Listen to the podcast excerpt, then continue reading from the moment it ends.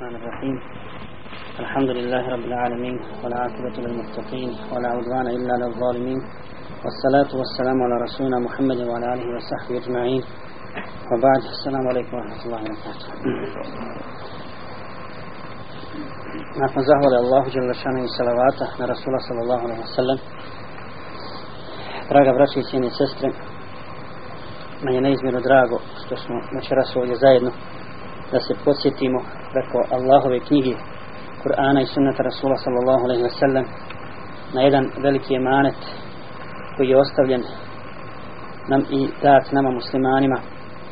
I ako ga mi e, ne sprovedemo u djelo onda stvar neće biti dobra a posebno je bitno govoriti o ovome emanetu o emanetu dave i rada u ime Allaha odnosno rada na polju dave u ovim teškim vremenima teškim bremenitim vremenima kada su muslimani na svakom djeliću zemaljske kugle poniženi do dna. E, bez, i bez obzira na to ja bi kao uvod dakle e, istakao potrebu govora o ovoj temi.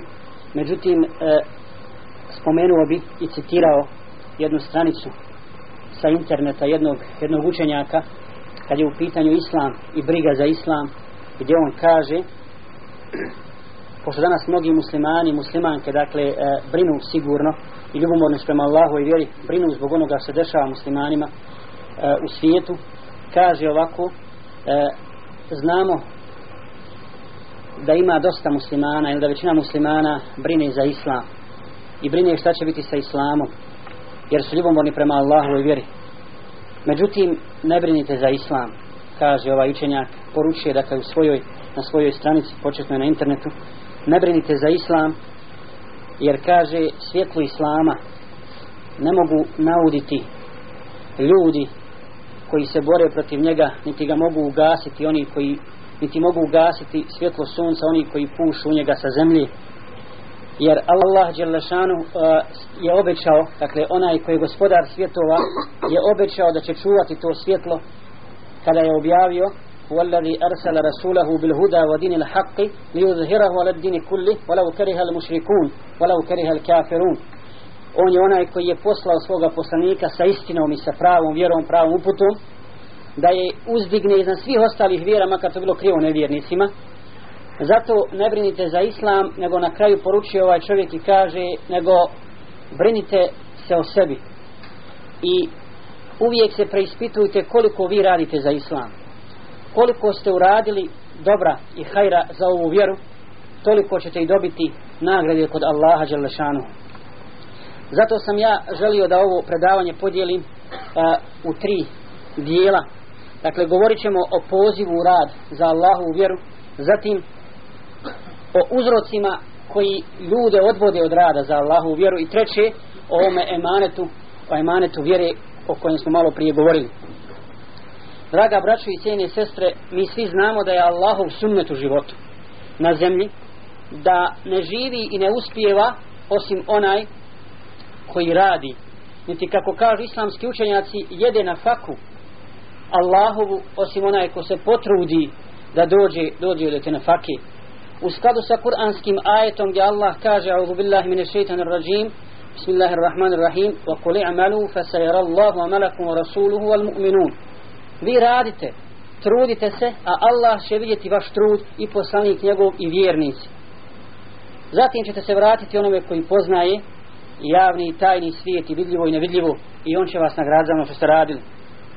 Čak mi vidimo da i sljedbenici strasti i najnižih zemaljskih poriva ne ostvaruju ono što žele i ne uspijevaju u svojim ciljevima u svojim namjerama bez rada i bez truda i u dunjalučkim našim poslovima nijedan direktor firme niti bilo koja firma na zemlji neće primiti čovjeka neradnika a posebno neće primiti čovjeka nekvalitetnog radnika i to je glavno mjerilo zvanično i nezvanično ima tu drugih mjerila diploma ovo i ono ali sve se svodi na kvalitet, na sposobnost i na trud, na trud koji čovjek ulaže da nešto, da nešto uradi. I na osnovu toga se mjeri njegova vrijednost. I rad je bio mjerilo mjerilo uspjeha, odnosno neuspjeha kroz istoriju ljudskog roda. Ako pogledamo sve civilizacije i kulture, braćo i sestre, koje su prošle ili generacije da tako kažem koji su protutnjale dunjalukom vidjet ćemo bili, bili, bili to ljudi odnosno ummeti i narodi koji su, koji su se borili da Allahov riječ bude gornja znači povezani s vahijom sa Allahovom objavom i uputom radili da je prenesu drugima ili to bili ljudi ili narodi koji su se borili e, da, da njihova kultura ili civilizacija dunjaluška uspije da oni izgrade život na toj nekakvoj svojoj kulturi nisu uspijevali bez rada. Nerad je donosio samo poniženje samo poniženje i veliki, ne, veliki neuspjeh. I ako čitamo Kur'an vidjet ćemo braćo i sestre da je ovo temelj. Da je ovo temelj da je Allah učinio rad temeljom temeljom vjere odnosno temeljom života. I iman i dijelo iman i dijelo vjerovatno znate na koliko mjesta se spominje možda će nam neko i kazati e, na koliko mjesta se spominje u Kur'anu iman i dijelo zajedno. I Allah što spominje vjerovanje i dobro dijelo znam neko dakle više od 50 put na više od 50 mjesta spominju se iman, iman i dijelo zajedno. A kažu islamski učenjaci čak i onda, kada se dijelo ne spominje uz iman, kada se spominje samo vjerovanje, samo iman, oni kažu to podrazumijeva, samim tim, samo vjerovanje podrazumijeva dijelo. Podrazumijeva dijelo. Kao što kaže poslanik sa selem, iman se sastoji od 60 i nekoliko ogranaka. Najveći taj ogranak i najčasniji je La ilaha illallah Muhammadu Rasulullah, to je tevhid, a najmanji je skloniti smetnju, skloniti smetnju s puta.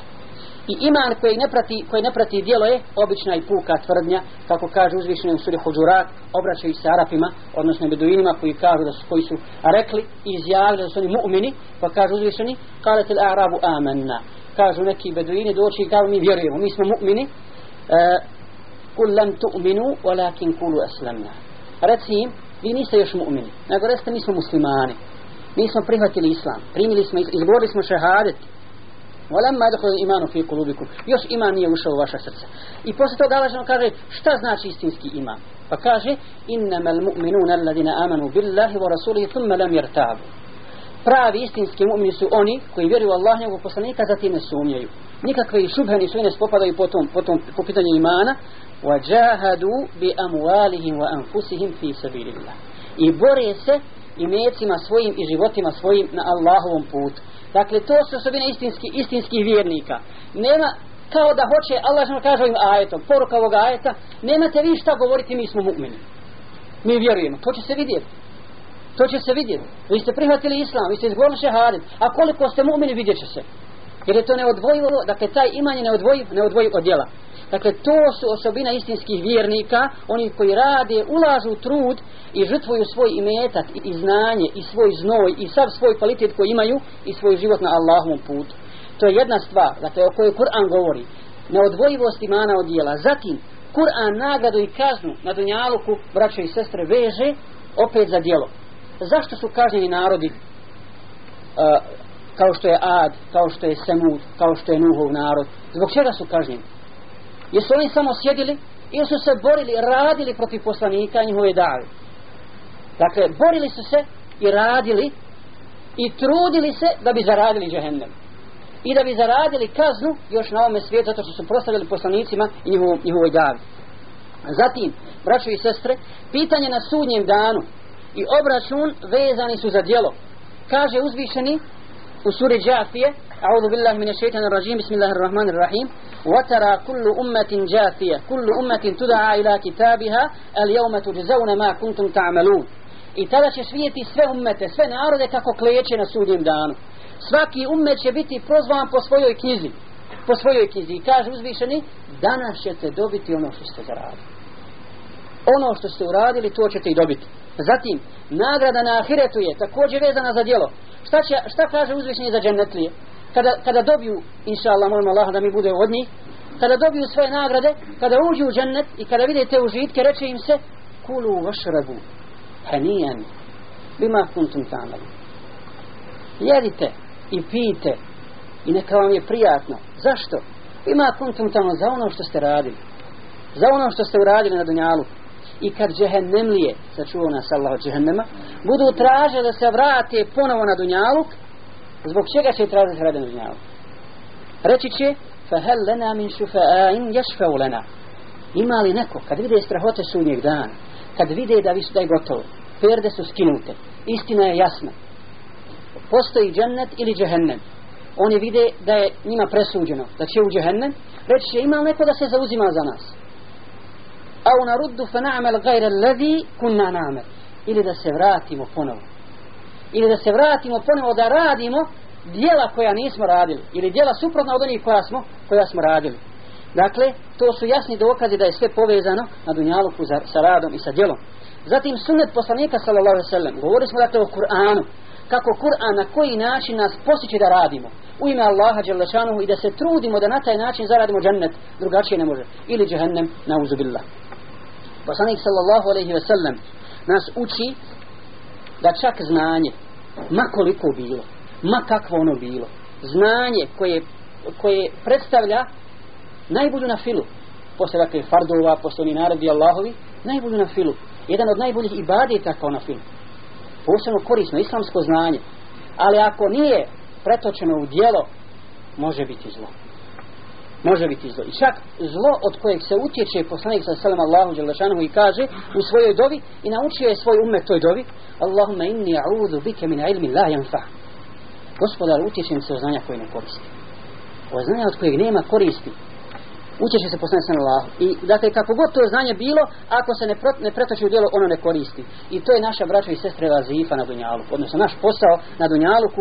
I poslanik sallallahu selam čak, kad onaj dolazi kod bolesnika, kad dolazi kod bolesnika, koju mu dovu uči? Musliman se razbolio, dolazi mu Resul sallallahu selem i uči ovu dovu. Allahum mašfi, abdu fulan.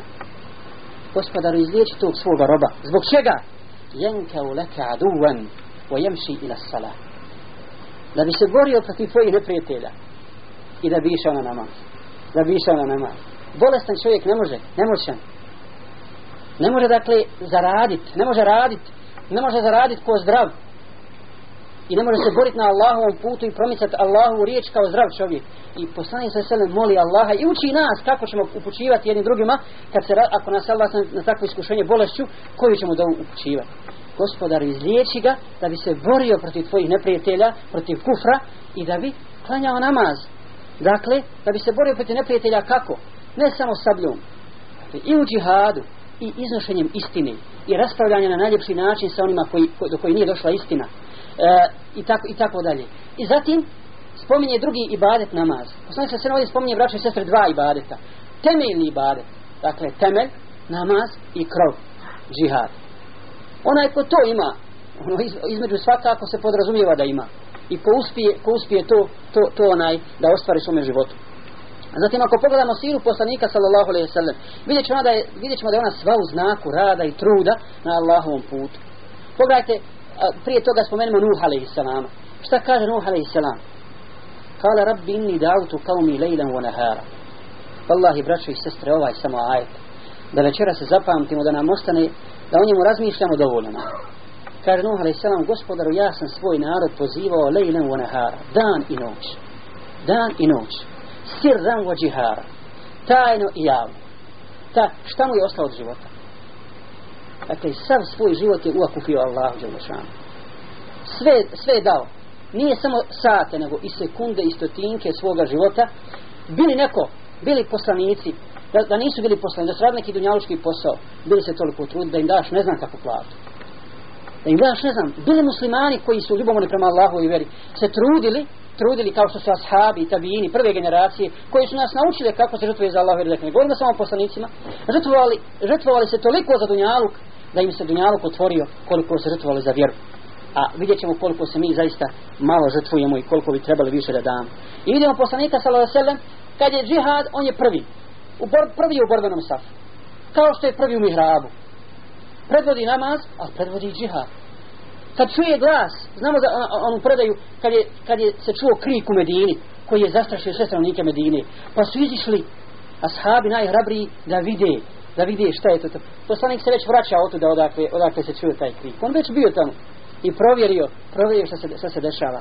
Kaj brine o svom umetu, brine o, sta, o stanju muslimana. Dakle, gdje god dobro, on je prvi. On je prvi. Ako čuje za, za, da, da se musliman razbolio, ako čuje da je siromašan musliman, prvi je on koji se brine o njemu i koji ga, koji ga pomaže. Ako čuje da za neku potrebu, dakle prvi je on koji ide da čini dobro. A mi, ka, mi znamo da nam je on uzor. I svi stalno govorimo, naš uzor je poslanik sallallahu alaihi wa sallam. A uzor je onaj koji se slijedi i treba, i treba da se slijedi. I zaista jedno veliko pitanje, da li mi slijedimo poslanika sallallahu alaihi wa sallam. Nije dovoljno slijediti poslanika samo uh, u, jed, u nekom seg, nekim segmentima njegovog života. E, nosit ćemo bradu kako nosio poslanik sa sele. Nosit ćemo odjeću kako nosio poslanik sa sele. Ne. Nego su se ashabi trudili da ga oponašaju u svemu. U svemu, i u namazu, i u nafilama, i u postu, i u džihadu, i u, u svim dobrim djelima, trudu da im on bude, da im bude istinski uzor. I podušava ashave poslanik sa tome. Dolazi mu čovjek, dolazi mu čovjek i pita, ja Rasulala, pogledajte, obraća se, pita, ja Rasulala, kad će sudnji dan? Šta mu poslanik se odgovara? Šta si pripremio za sudnji dan? Šta si, ma nije bitno kad će doći bolan sudnji dan. Bitno je šta si ti pripremio za sudnji dan. Nek sutra dođe, nek sutra pobjede, pobjedi islam kao što obećao poslanik sa sallam, znači da neće ostati ni kuća, ni nastamba, ni jedna, da, da on neće ući u islam, ako po, a ja nisam ništa uradio za tu pobjedu islama, nema nagrade.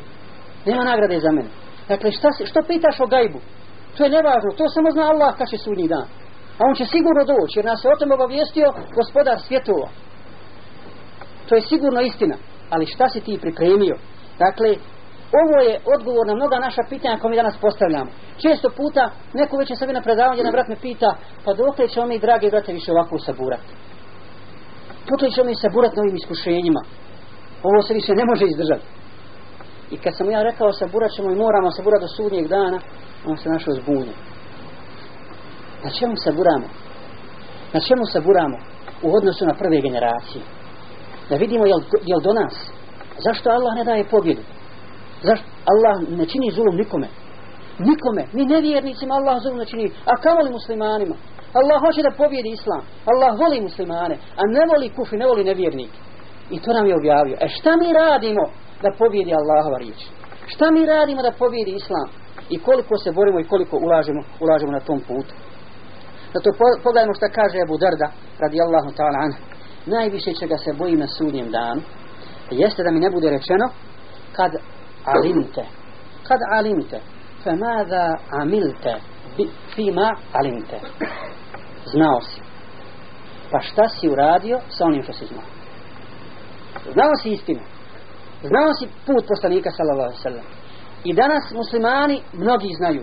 Znaju Boga mi istinu znaju Kur'an i sunnet. I rasprave se vode na svakom koraku. Kasnije ćemo spomenuti, spomenuti to. Mnoge od tih rasprava su jalove besplodne, ne donose nikakve koristi.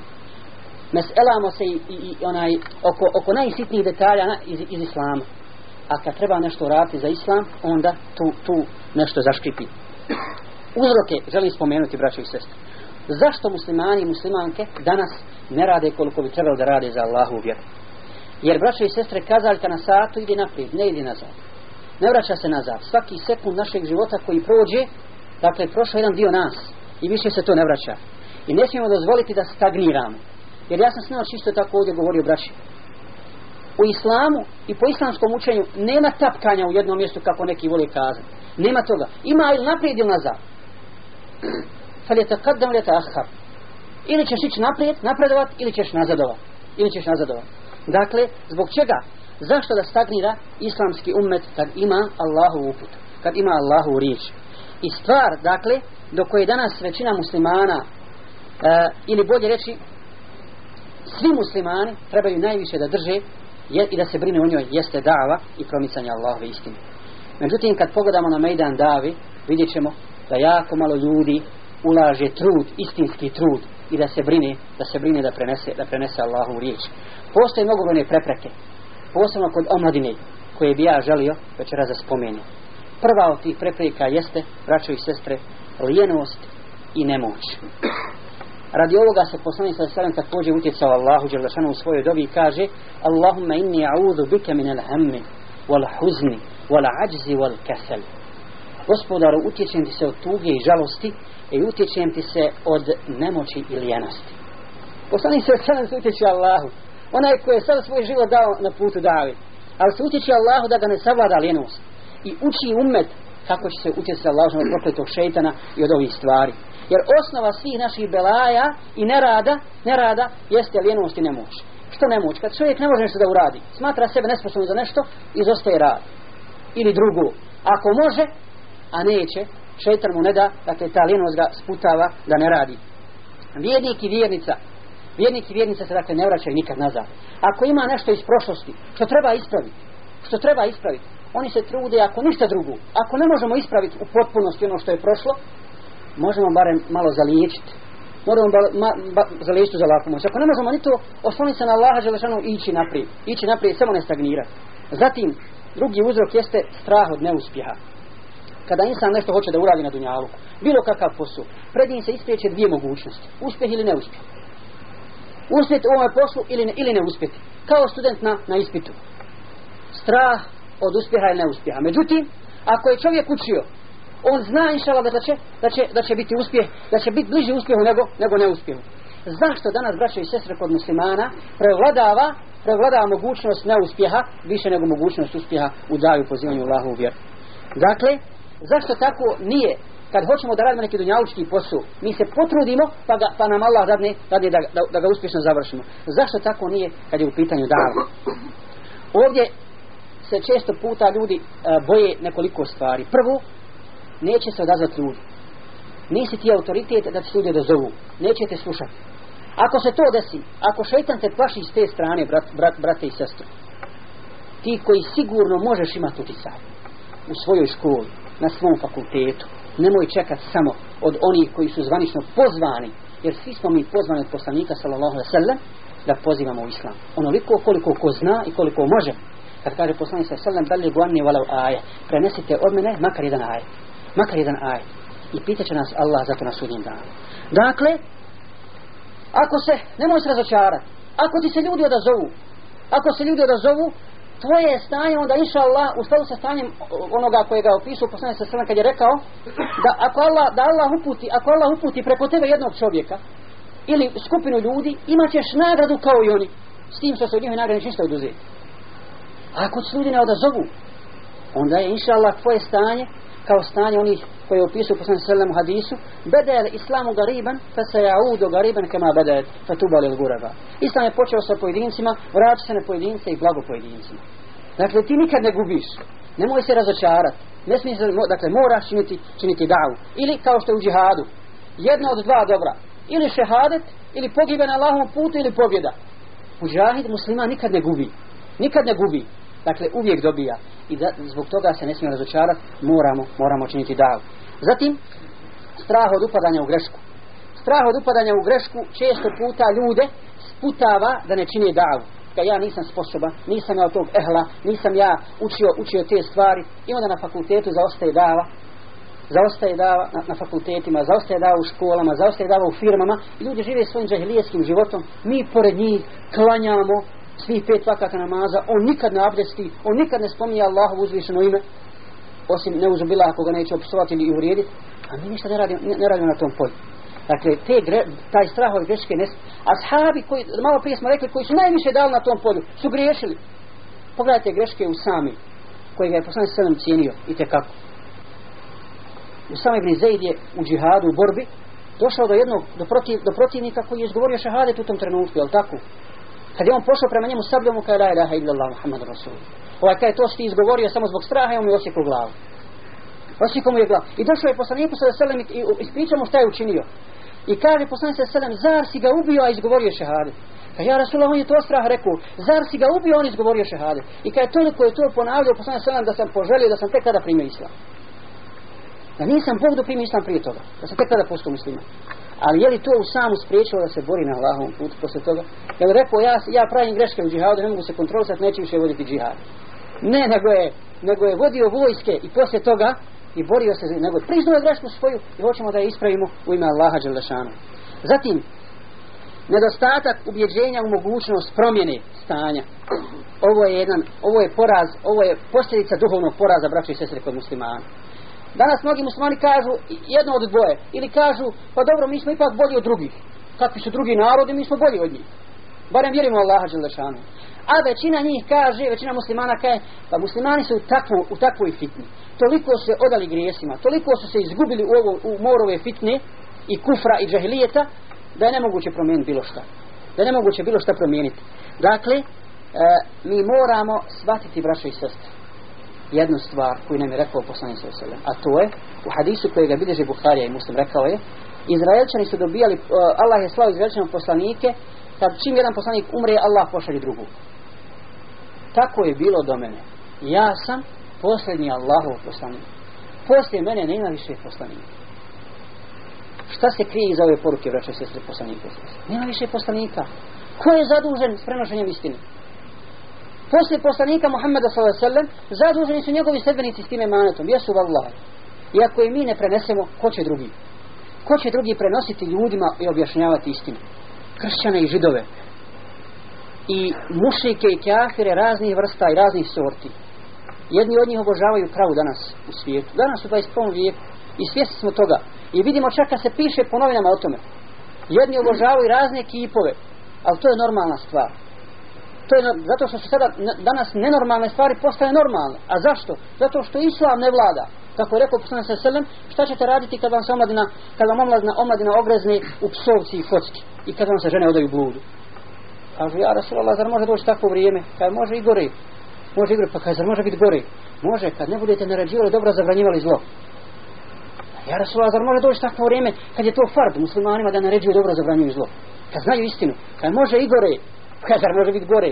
Može kad kad ono što je dobro budete smatrali zlim a ono što je zlo bude smatrali dobrim. Pa zar može tako vrijeme doći? Može i gore. E pa zar ima i gore od toga? Ima kad budete narađivali zlo, zabranjivali dobro. Tada se kad ni vaši najučeni neće moći snaći. Ni vaši najpametniji ljudi se neće tada moći snaći u tom, u tom vaktu. I danas, dakle, sve nenormalne stvari su postale normalne. I kod omladine, i pođimo od droge pa nadalje. Pa homoseksualizam, pa kufr raznih vrsta, širkta i tako dalje. A ono što se napada, najveća vrijednost, vallahi, najveća vrijednost, koju spozna čovjek, tek kad, kad prihvati istinu, kad mu Allah osvijeti srce, kao, kao što su spoznali mnogi Amerikanci, vidi se mnogo Amerikanca koji prihvati islam koji je bio u Afganistanu i ratovo, ratovo za islam. Allah je on dokaz na sudnje danu protiv svih onih Amerikanaca. I protiv onog Busha, njihovog predsjednika i protiv svih ostalih. Dakle, ne stidi se i ne boji da da svoj život za to i da kaže zbog čega je ratovo tamo. Ovi kažu, ne znamo, zaista nismo svjesni zbog čega je okrenuo leđa našoj kulturi i civilizaciji. Kojoj kulturi i civilizaciji? Kojoj? Kad svi Allahi poslanici pozivali u islam i kad je islam jedini i dakle, a jedina je ta vrijednost koja se nas napada. Napada, zašto? zato što mu, ne zato što su ni jaki braćo i sestri, ne bogami nego što su muslimani slabi. Što su muslimani slabi i što neće da stanu jedan saf da se ujedini oko Kur'ana i sunneta i da se bore do kraja do kraja da ustraju da ustraju, da ne budu kao židovi kršenje kao kraja sam u hadijskoj bilježi Buhari. Mi smo najbolji umet mi smo iskoristili najmanje rade najviše ćemo dobiti na sudnjem danu. E kako je Rasul, kada je židovima bilo naređeno da radi pa su radili do podne i dodijelo im kopali su dodijalo im i ostavili. Imali su Allahu putu.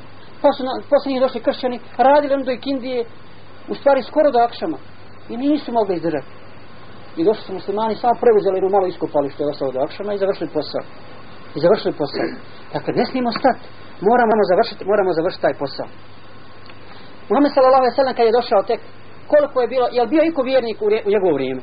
Bilo je nekoliko ljudi od onih dinul hanifa koji su bili na tevhidu ali ovdje nije bilo nikakve ni štete ni koristi ni štete ni koristi. Što i mušici nisu dirali? Što i mušici nisu dirali? Oni su nikad nisu činili šir nikad. Čak i jedan od njih spominje se ne prede da jedan od njih upozorio Muhammeda sa sve dok nije bio poslanik. Kada je htio da jede meso koje je zaklano prinešeno na žrtvenik onim njihovim božanstvima rekao mu nemoj jesti to meso. I poslanik se nije jeo, nije jeo to meso. Nije bio još poslanik upozorio ga on na, na, na, na tu stvar ali nisu i napadali mušli jer oni nisu bili od onih koji, muslija od reformatora koji su popravljali stanje. Nego ti sjedi samo u džami i vade ti nema problema, neće tebi nevjernik ništa uraditi ali se podigni da radiš, da pozivaš njega na najljepši način tada ćete on spriječiti. I oni danas vide vide da inša Allah Islam krenuo. Međutim moramo uložiti puno više. Puno više, ja sam čak birao večeras razmišljao koje od ove dvije teme da uzmem. Da li da uzmem temu značenje pobjede u islamu ili da uzmem ovo o čemu da govorim koli, šta treba muslimani da urade da bi dobili pobjedu koju, koju željno, željno očekuju. Nakon poslanika sa selem, nakon njegove smrti koja je bila najveća žalost za muslimane. I muslimani posle to, posle te žalosti ne mogu doživjeti veću žalost. Jel tako? Ali ashabi nisu sjeli i plakali kad je poslan sam umro. Nego su proširili vjeru. Proširili su islam. Perzija, Vizantija uzeti, Irak i Horosan i Šam i tako dalje. i kako je rekao kako Ukve ibn Amir kada je došao na obale Atlantskog okeana šireći Allahu vjeru u tom zanosu obratio se kad je vidio te valove mora, rekao je o more tako mi Allaha da znam da s tvoje druge strane postoji država do koj, u kojoj ne je došao islam ja bi te sad prepilao sa svojim konjima. Dakle, ne bi me ništa uz ovaj spriječilo, spriječilo da, da idem da prenesem. Nije, nije znao da se tamo kriju još mnoge države, postoje koji će kasnije muslimani, muslimani osvojiti. Dakle, kad postoji volja i želja, onda društvo će, se sigurno može promijeniti i muslimani zbog toga ne smiju očajavati. E, slike, braćo i sestre, slike nerada koja, koje ja želim spomenuti. Ako je kod nas postoji Bogan, ako hoćemo se da priznamo. Prvo, sjela sila kod muslimana i muslimanki na kojima se po izgledu okupljaju, po izgledu okupljaju ljudi koji izla, izla, i žene koji niče pobožne ljudi. Svi mi pripadamo tim krugovima. Ne možemo mi, niko od nas sebi izdvojiti s toga. Na kojima se, na tim sjelima, ta sjela su sva u znaku kritike, klevete, ogovaranja jedni drugih, napada na jedni, ovaj, imamo mnoge džemate, mnoge naše organizacije, ali nema u koje god kolo uđeš, je, napada jedno druge, napada jedni drugi. A ne, dakle, mi smo od onih koji džaba pomažu nevjernicima. Ništa nas ne plaćaju. Nego džaba im pomažemo, pomažemo na takav način. A kad, se, kad upitamo sami sebe, u bilo kojoj halki od tih halki da se nalazimo, bilo kojim žematu da pripadamo, koliko je mojim sebebom ljudi prihvatilo vjeru i vratilo se islamu, ima da oborimo glavu do zemlji do zemlje. Dakle, ništa na tom, šta ćemo onda sutra reći gospodaru svjetova na sudnjem danu. A Allah kaže da smo mi umet koji će biti svjedoci drugim umetima. Drugim umetima, kada, kada Nuh a.s. dođe, čak ne samo, onaj, ne samo da ćemo biti svjed, da će Muhammed sam biti svjedan, nego mi, kada Nuh a.s. dođe, hadis knjiže Buhari također, Allah će ga upitati, jesi li prenio poslanicu? A on će reći, jesam ja, rab, prenio sam. Ti znaš da sam prenio, ko ti je svjedok? Pa ljudi, moj narod. Upitaće njegov narod, kaj mi ništa ne znam. Mi ništa ne znamo da nam je prenosio. Kaj, koga ćeš poznati svjedoka? Kaj, pa Muhammed je njegov umet. Muhammed je njegov umet. Sallallahu alaihi sallam. I upitat će onda, je li, je li prenio Nuh alaihi sallam? I muslimani, mi inša Allah, i svi muslimani do njega nareći, jeste mi svjedočimo da je Nuh alaihi sallam prenio poslanicu svoga gospodara na osnovu toga što nam je prenio Muhammed sallallahu alaihi sallam u Kur'anu gdje se govori za Nuh alaihi sallam da je on prenio svome narodu poslanicu. Dakle, hoćemo biti svjedoci ili će samo poslani biti protiv nas? Zato što mi nismo, što mi nismo odradili zadatak koji smo trebali. Zatim, jadikovanje, to je, jedan, to je jedna stvar. Drugo, jadikovanje i kukanje o problemima koje imamo danas. Problemi veliki za davu, problemi za muslimane, ne može se ovo riješiti, naša stvarnost je teška i gorka i tako dalje. I muslimani danas u ovakvom stanju spominju samo da treba čekati Mehdija da on dođe da nas spasi. Mehdi, braće i sestri, neće doći u mrtav umet neće doći mrtav umet. Nekomu mora pripremiti teren. Nekomu mora pripremiti teren. I ne možemo očekivati od jednog čovjeka, možda bi se muslimani danas, onaj mnogi čak borili protiv njega kad bi došao, kad bi se pojavio. Zato što ne razumiju stvar. Koliko danas muslimana razumije šerijat? Evo kad bi nam ponudili, kad bi nam ponudili Sarajevski kanton, Amerikan, to se neće nikad desiti. Ali eto kad bi se desilo, na kad eto, hajde, burim, uspostavite šerijat. Koliko muslimana iselilo iz Sarajevskog kantona? Ako bi se sudilo po šerijatu? Jako mnogo. Ja, zašto ne razumijem stvar? Pa kad ne razumijem muslimani, kako koji pripada islamu? Ja mu reći da nije musliman, ubit ćete. Znači u njemu ima hajra. Samo trebamo objasniti da mora praktikovati taj islam.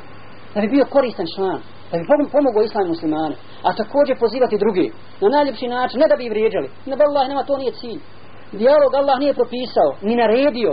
Da mi vrijeđamo neko, ne, nekog mušika, odnosno nekog nevjernika za kojeg Allah kaže da ne vjeri za one koji kaže da je Isa Allahov sin neuzubila i da je Isa Bog i tako dalje.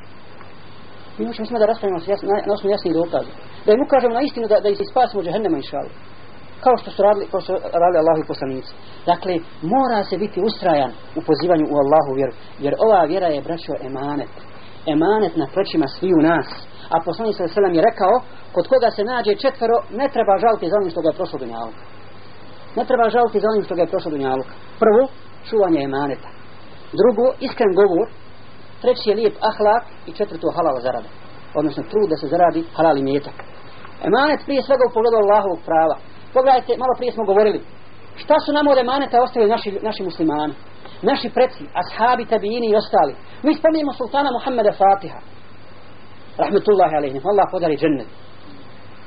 sa svojom vojskom nama dostavio našim predsima ovdje islam. Ali je ostavio nama u zadatak da to ponosimo Allah jest. Španija je bila muslimanska. Musa ibn Usair Tarik ibn Zijad i ostale muslimanske vojskovođe prenijeli su islam u Španiji. Wallahi će odgovarati oni koji su izdali islam u Španiji. Wallahi će odgovarati oni koji su izdali islam u Španiji. I koji su izdali islam na Balkanu ovdje kao što su Kemal Atatürk i ostala banda koji, koji, koji, koji, su, koji su izdali hilafet i, i napustili, napustili islam Dakle, odgovarat će neko za to. Mi govorimo o našoj svijetloj prošlosti, ali od, od, od spomena lijepe prošle ne, ne živi se od toga. Nego trebamo mi ići tim stazama. Pogledaj što kaže Abdullah ibn Omer, kad, je, kad smo smrzavali smo se od snijega i od zime u Azerbejdžanu. Kad smo osvali Azerbejdžan. Abdullah ibn Omer, ashab radi Allah ta'ala. Gdje su sada Azerbejdžan, Španija, Balkan i ostale zemlje koje su bile pod prisavskom vlašom? I koje su osjetile ljepotu života u islamu. Boga mi će potomstvo njihovo odgovarati i unuci i praunuci zato što nisu ponijeli, zato što nisu izdržali, izdržali na tom putu kako treba. Kada je poslanik sa sallam, la dina li men la emaneta leh. Nema vjere onaj ko nema, ko nema, ko nema emaneta. I ova, ovaj emanet ove vjeri nije da samo poslanicima, kako smo rekli, nego i njihovim sljedbenicima, kako kaže Allah Đelešanu u ajetu s kojim ćemo završiti ovo naše predavanje. أعوذ بالله من الشيطان الرجيم بسم الله الرحمن الرحيم وكأي من نبي قاتل معه ربيون كثير فما وهنوا لما أصابهم في سبيل الله وما ضعفوا وما استكانوا والله يحب الصابرين koliko je bilo poslanika kažem, koliko je bilo poslanika s kojima su se borili borile skupine njihovih sledbenika muslimana fama wahanu lima asabahum i nisu očajavali nisu očaja zbog musibeta koji bi zadesio u borbi na Allahovom putu. Wama daufu niti su slabili. Omestekanu. Dakle, nisu slabili zbog toga, nije slabio njihov moral, njihov duh nije slabio zbog tih iskušenja koja sada na tom putu. I govorili su, o ma kana kauluhum illa an kalu, rabbana gafir lana dhunubana wa israfana fimrana wa thabbit akdama lana suna. Samo su govorili, gospodaru, oprosti naše grijehe, naše grijehe, naše slabosti i učvrsti nas na putu, na tvome putu i pomozi nas protiv naroda koji ne vjeruje. Molimo Allah subhanahu wa ta'ala da nas okupi oko Kur'ana i sunneta. Ne obrzao pobjedu istine i da nas uvede u džennet. Amin.